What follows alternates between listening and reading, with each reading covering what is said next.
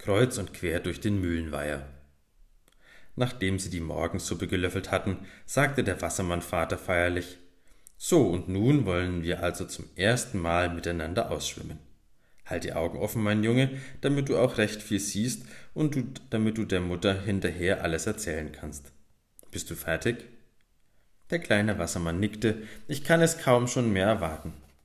Na, das verstehe ich, meinte der Wassermannvater, aber zuvor musst du noch deiner Mutter auf Wiedersehen sagen.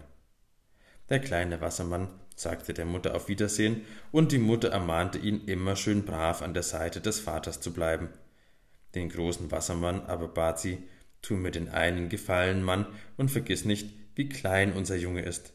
Denk daran, dass er heute zum ersten Mal ausschwimmt. Dann schwammen der große Wassermann und der kleine zur Haustür hinaus, und der kleine Wassermann schwamm an der Seite des großen ein paar Mal rund um das Wassermannhaus herum. Und weil ja das Haus auf dem Grund des Mühlenweihers stand, konnten sie auch darüber hinwegschwimmen und von oben in den Schornstein hineingucken. Mutter, juhu, rief der kleine Wassermann durch den Schornstein hinunter. Hörst du mich? Gleich kommt ein Fisch an dein Küchenfenster geschwommen. Gib acht! Und dann schwamm er selber bis dicht an das Fenster heran, riss seine Augen gewaltig auf, schob die Unterlippe nach vorn, wie die Fische das immer taten, und glotzte die Mutter an, die gerade am Küchentisch stand und Gemüse putzte.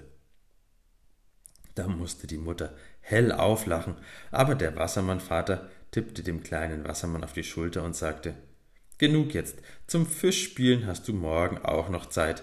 Ich denke, wir sollten uns nun auf den Weg machen. Er führte den kleinen Wassermann kreuz und quer durch den ganzen Weiher. Jedem Fisch, den sie trafen, durfte der kleine Wassermann guten Tag sagen.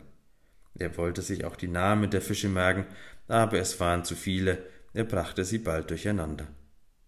Das ist mir am Anfang genauso ergangen, sagte der Wassermannvater. Darüber brauchst du dir nicht ungeduldig werden. Das gibt sich in einigen Tagen. Aber es lebten ja nicht nur die Fische im Weiher, da waren die Molche, die Schnecken, die Muscheln und Würmer, die Käferlarven und Wasserflöhe und allerhand winzige Dingerchen, die man mit bloßem Auge kaum noch erkennen konnte. O jemine, dachte der kleine Wassermann, ob ich all ihre Namen jemals behalten werde? Ich kann sie ja nicht einmal zählen. An manchen Stellen war der Boden dick verschlammt, wenn die beiden zu niedrig darüber hinwegstrichen, wirbelten bräunliche Wolken empor, und das Wasser verdüsterte sich. An anderen Stellen lag Kies, der schimmerte ihnen von weitem entgegen, und wieder an anderen Stellen wuchs Gras. Das war Teichgras, es wehte in langen Büscheln über den Boden hin und sah aus wie ein Teppich von lauter Wassermannhahn. Am besten gefielen dem kleinen Wassermann aber die Wälder von Nixenkraut und von Teichpferden Wasserfeder und Tausendblatt, die in der Tiefe des Weihers wucherten. Wag dich nicht hinein, du bleibst hängen, konnte der Wassermannvater gerade noch rufen. Das sah er auch schon, wie der Junge kopfüber im Dickicht der Stängel und Blättchen verschwand. Wirst du hier bleiben? rief ihm der Vater nach und versuchte den Ausreißer bei den Füßen zu packen aber der Junge war schneller als er, und der Wassermannvater behielt nur den linken Stiefel von ihm in der Hand. Es rauschte und plätscherte noch eine Weile im Dickicht, dann wurde es still. Von irgendwoher aus dem Schlingpflanzenwald rief der kleine Wassermann piepsend Wo bin ich?